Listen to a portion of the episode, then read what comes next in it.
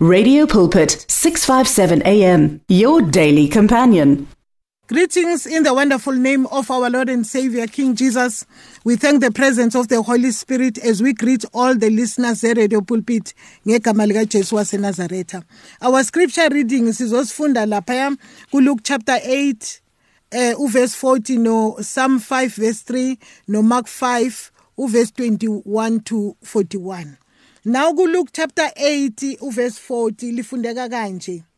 Now when Jesus returned, a crowd welcomed him, for they were all expecting him.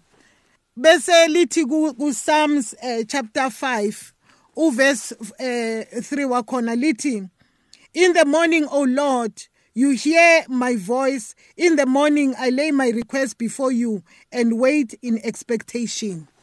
Bese sibuyela kuMark chapter eh, eh, 5 sifunda khona uverse eh, 21 siyofikela lapha kuverse eh, 41 lifundeka kanje Mark chapter 5 from verse 21 to 41 when Jesus had, had again crossed over by the boat to the other side of the lake, a large crowd gathered around him while he was by the lake. Then one of the synagogue rulers named Jairus came there. Seeing Jesus, he fell at his feet and pleaded earnestly with him, My little daughter is dying. Please come and put your hand on her so that she will be healed and live. So Jesus went with him. A large crowd followed and pressed around. And a woman who was there, who had been subject to bleeding for 12 years, she had suffered a great deal under the care of many doctors, had spent all of all she had, yet instead getting better, she grew worse. When she heard about Jesus, she came up behind him in the in, in the crowd and touched his cloak because she thought if I just touch his uh, cloth, I will be healed. Immediately the bleeding stopped and left her, her body, that she was freed from the suffering. At, the, at once, Jesus uh, realized the power has gone out from him. He turned around the crowd and said, Who touched my clothes? You see the people crowding against you. His disciple answered, And yet you can ask, Who touched me? You see the people crowding against you. His disciple answered, And yet you ask, Who touched me? But Jesus kept looking around to see who has done it. Then the woman, knowing what had happened to her, came and fell at his feet, and trembling with fear, told him the whole truth. He said to her, Daughter, your faith has healed. Go in peace and be freed from your suffering. While Jesus was still speaking, same men came from the house of Jairus, the synagogue ruler. Your daughter is dead, they said. Why bother the teacher anymore? Ignoring what they said, Jesus um, told the synagogue ruler, Don't be afraid, just believe. He did not let anyone follow him except Peter, James, and John, the brother of James. When they came home, home of synagogue ruler, Jesus saw a commotion with people crying, wailing loudly. He went in and, and said to them, Why all this commotion and wailing? The child is not dead but asleep. But they, la- they laughed at him. After he put them all out, he took the child's father and the mother and the disciple went with him and went in where the child was. He took her by the hand and said to her, Talita kum, which means little girl, I say, get up. Immediately the girl stood up and walked around. She was 12 years. At this, they were completely astonished. He gave strict orders not to tell anyone. Silbonge izwi kaNkuluNkulu. namhlanje ekseni kwanamhlanje ngithanda ukuthi ekseni sikhulume ngepower of expectation uma sibheka lapha kuverse 8 esimfundile eh kuverse 40 ka Luke chapter 8 sithola ukuthi izwi kaNkuluNkulu liyasitshela ukuthi all people in the crowd were all expecting him. And more than that the bible tells us that they welcomed him.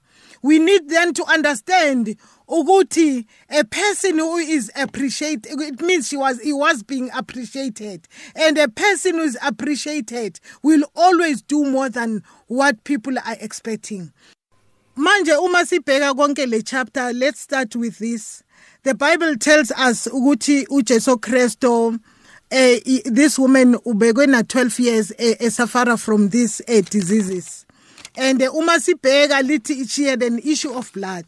Manje ukuba ne-issue of blood can be anything eh uma sikhuluma nge-issue of blood emuntwini ongumfazi siyathola ukuthi mhlambe it can be leukemia icancer yegazi kanti ngaba anemia the lack of eh, eh, ukulekha igazi and kunezinye izinto eh, izifo ezibakhona uma kuhambelana nendaba yegazi. Now the bible tells us ukuthi she had this for 12 years.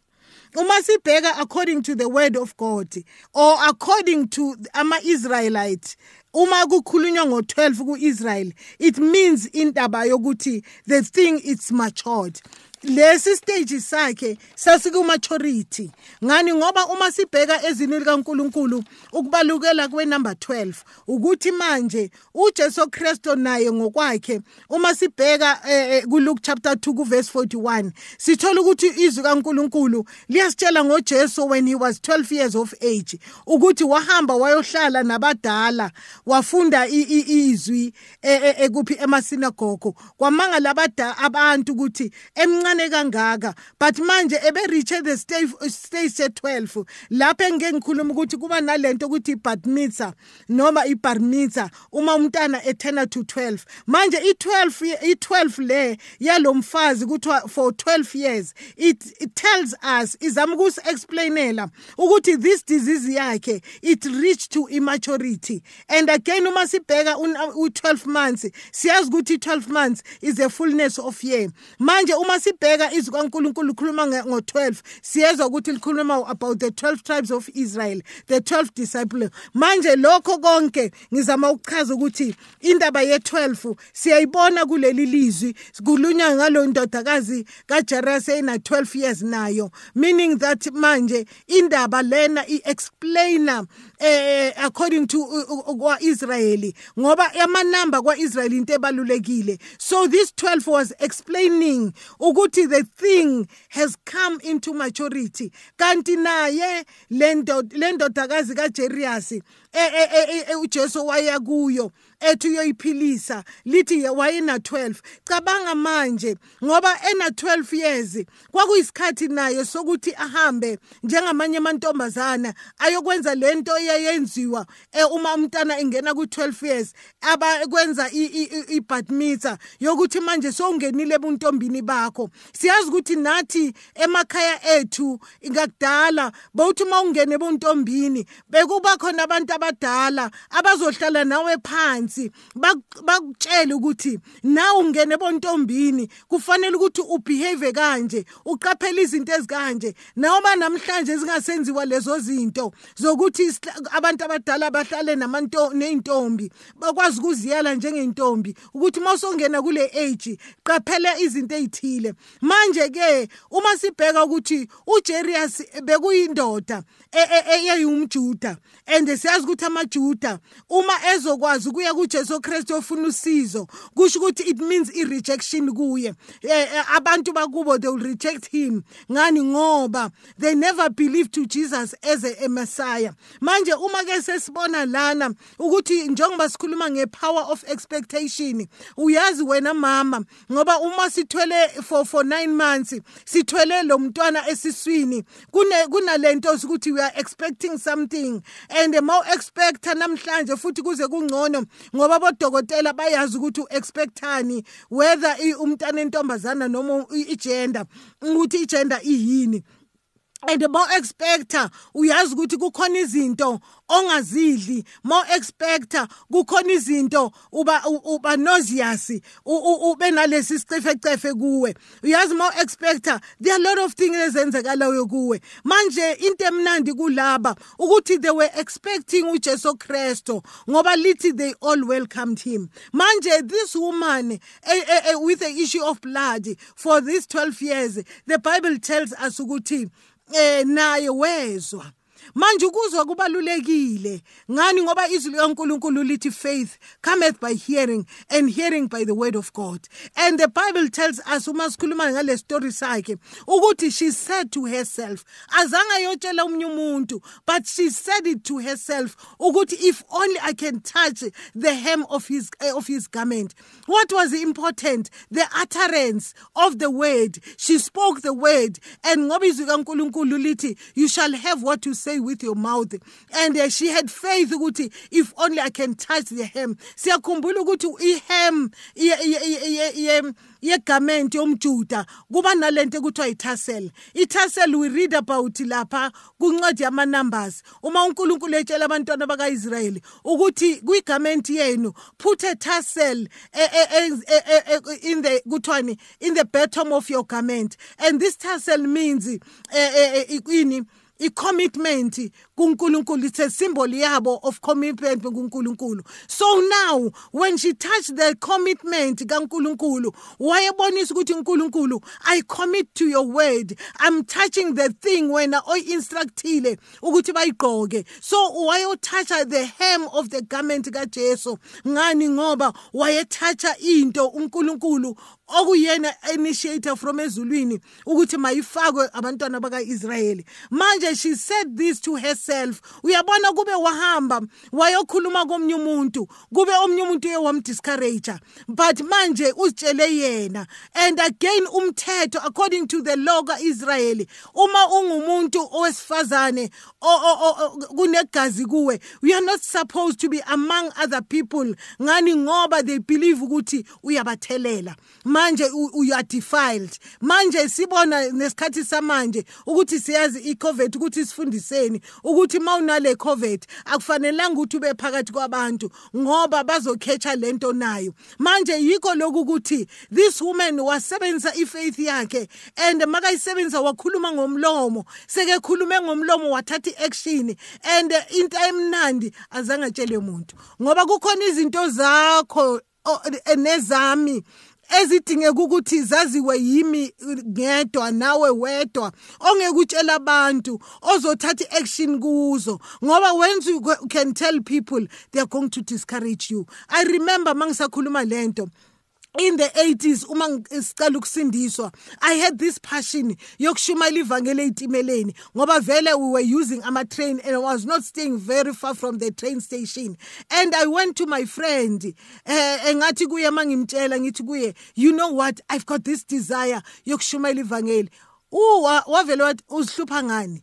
Uyayibona into enjalo manje kodwa ngoba lento yayingihlupha ngoba lesasikhathi sasina itimela zakudala bekunale kukhona i-first class ne-second class ne-third class and ivangeli lashunyelwa ku-third class i had to change ama-class ngiye ku-third class ngiyoba ngale in order for for ukuthi ngishumayele leli vangeli. Ngikhulumela ukuthi kukhona izinto noma kuyinto kaNkuluNkulu ofuna ukuyenza don't tell anyone speak the word upon whatever ozoyenza. Ngani? Ngoba there are people are going to discourage you.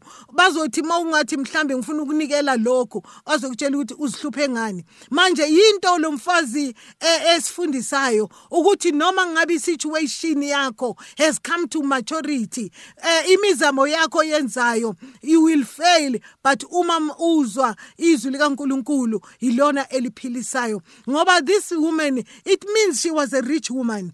Elithi she spent all what she cabanga uma spenda every year uspendela ukuthi uthole ukuthi uphiliswe and it happens for 12 years uyenza lento. Noma ngabe bonemali engakanani it means imali iyaphela. Ngani? Ngoba bekanale problem enkulu engithi iBhayibheli lasitshela ukuthi she had the issue of blood. And we know ukuthi what the blood means. Blood means life. Ngani? Ngoba uNkulunkulu wazi wathi igazi imali ingachithwa ngoba igazi it means life. Manje wazitshela yena ukuthi eh what i'm going to do mina ngizohamba ngiyobambani umphetho wengubo yakhe. Manje the the bible tells us ukuthi immediately her bleeding stopped and she felt in her body that she was freely from suffering. Manje wezwa emzimbeni wakhe not only yena ezwe but even Jesus Christ himself wezwa the power iphuma kuye eh ihila yena lo mfazi. Ngikhumbula manje leli lizwi uJesu manje athi who touch me? Kukhona la uJesu Kristo ethi khona your faith has healed you. And uh, kwelinye i-translation ithi your faith has made you whole. Manje when we talk about i-healing first of all holy healing is children's bread that is why ujesu kristu wathi daughter. Manje wayeziwa as a, person on a person onenkinga but now manje uthi uJesu Kristu kuye daughter why? Ngoba izwi likaNkuluNkulu kuHebrews chapter 11 verse 6 lithi without faith we cannot please God. So ifaith yakhe iye yamsusa yayombeka ukuthi manje abizwe ngokuthi she's a daughter of God. Manje at the same time uma ethi your, your, your faith has made you whole sithola ukuthi manje when we talk talk about healing. Healing can be a healing only kwigazi lakhe but something has happened. Ngoba kuyinye translation ithi your faith has made you whole meaning that uNkulunkulu was able not only to heal her but to to replace and replenish and enze njani uNkulunkulu? Abuyisele zonke izinto ezimlahlekele. Eh ngoba ulahlekelwe imali ulahlekele yini? Ulahlekelwe izinto zakhe isikhathi se12 years. In the process uma enale problem kusho ukuthi manje imlahlekela i12 years but uNkulunkulu uJesu makethi your faith has made, you whole. It means uNkulunkulu is able uku restore isikhathi se12 years esimoshakele isikhathi a restore nemali emlahlekele kuko konke. Ngoba uNkulunkulu makeletha into yakhe akaletha into ehalf. Uma uNkulunkulu eletha into uletha ine package iphelele. Manje ekseni kwanamhlanje e, ekseni kwanamhlanje sizizamile izinto esizizamayo. Abantu bayazizama izinto abantu bakutshela ukuthi yalena le but let me say this morning there is Jesus Christ ongathi kuye. Manje ekseni kwanamhlanje ah the thing has come to maturity. Jesu Christ I need you ukuthi manje. Ngoba siyabona ukuthi manje uma liqhubeka leli lizwi even with a Jairus daughter ena 12 years engithi naye kukhona into emlahlekele.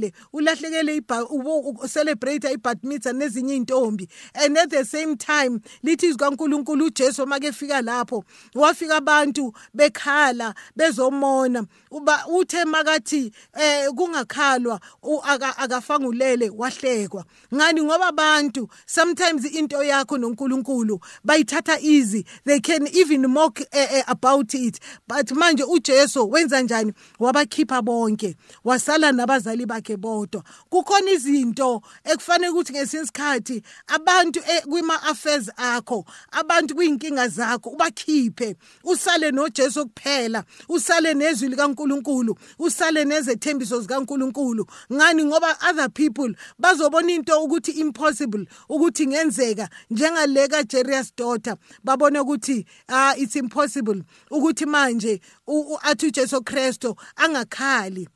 Intombi ayifanga kodwa ilele. Izinto zakho ngithanda ukuthi ekseni kwanamhlanje azifanga kodwa zilele. God is able ukuzivusa. Uma uNkulunkulu enzile naku Ezekiel athi kuye lapha ku chapter 37 khuluma nalamathambo. Wathi Ezekiel ungakhuluma nalamathambo na? Angaphila nalamathambo. Wathi uEzekiel angazi uyazi wena Nkosi. Wathi uNkulunkulu kuye breathe breathe unto them. Uh, call the east wind.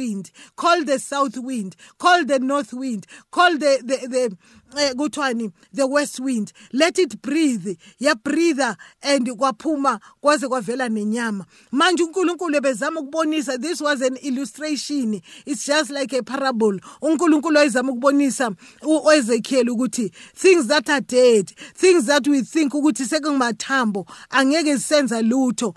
But those things uNkulunkulu uma izwi lakhe kukhulunywa kulo kukhulunywa izwi kulezo zinto they able ukuthi ziphile. Manje manje this woman waphiliswa. Ngani ngefaith yakhe? Ngani ngoba azitshele ukuthi i'm going to hold on eh kwini? Kwithasil kaJesu Kristu. Eh the tassel esazi ukuthi bekumphetho wengubo yakhe. Manje ekseni kwanamhlanje there are things empilweni yakho nawe ekudingeka ukuthi ubambe lapha ya kwizethembiso zikaNkuluNkulu emphethweni wezwi likaNkuluNkulu. Ngani ngoba konke kusezwini kaNkuluNkulu uJesu Kristu uthi make hamba athi angibashiyanga bodwa lapha kuJohn 17 ngibashiye nezwi. Siyazi ukuthi ngezwi uJesu wanqoba ngezwi uNkulunkulu wadala ukubonakalayo nokungabonakali ngezwi uNkulunkulu make khulumile akakho unomela nalo. Ushilo kuJeremiah 1 what I will, I will see uh, my word being performed. uNkulunkulu ulithathe izwi walibeka ngaphezulu kunaye. Manje ekseni kwanamhlanje akhuluma nesituation yakho. May the god richly bless you. In the mighty name of Jesus god is able to restore not only healing but whatever oyiluzile imali zokuspenda wenza yonke into nesikhathi osiluzile ngenxa yesimo obukuso may god richly bless you in the name of jesus my phone number is 072 5628850 may god richly bless you amen the words of the lord are words of life your heart is on 657 AM. 657 AM. Radio for believers in action.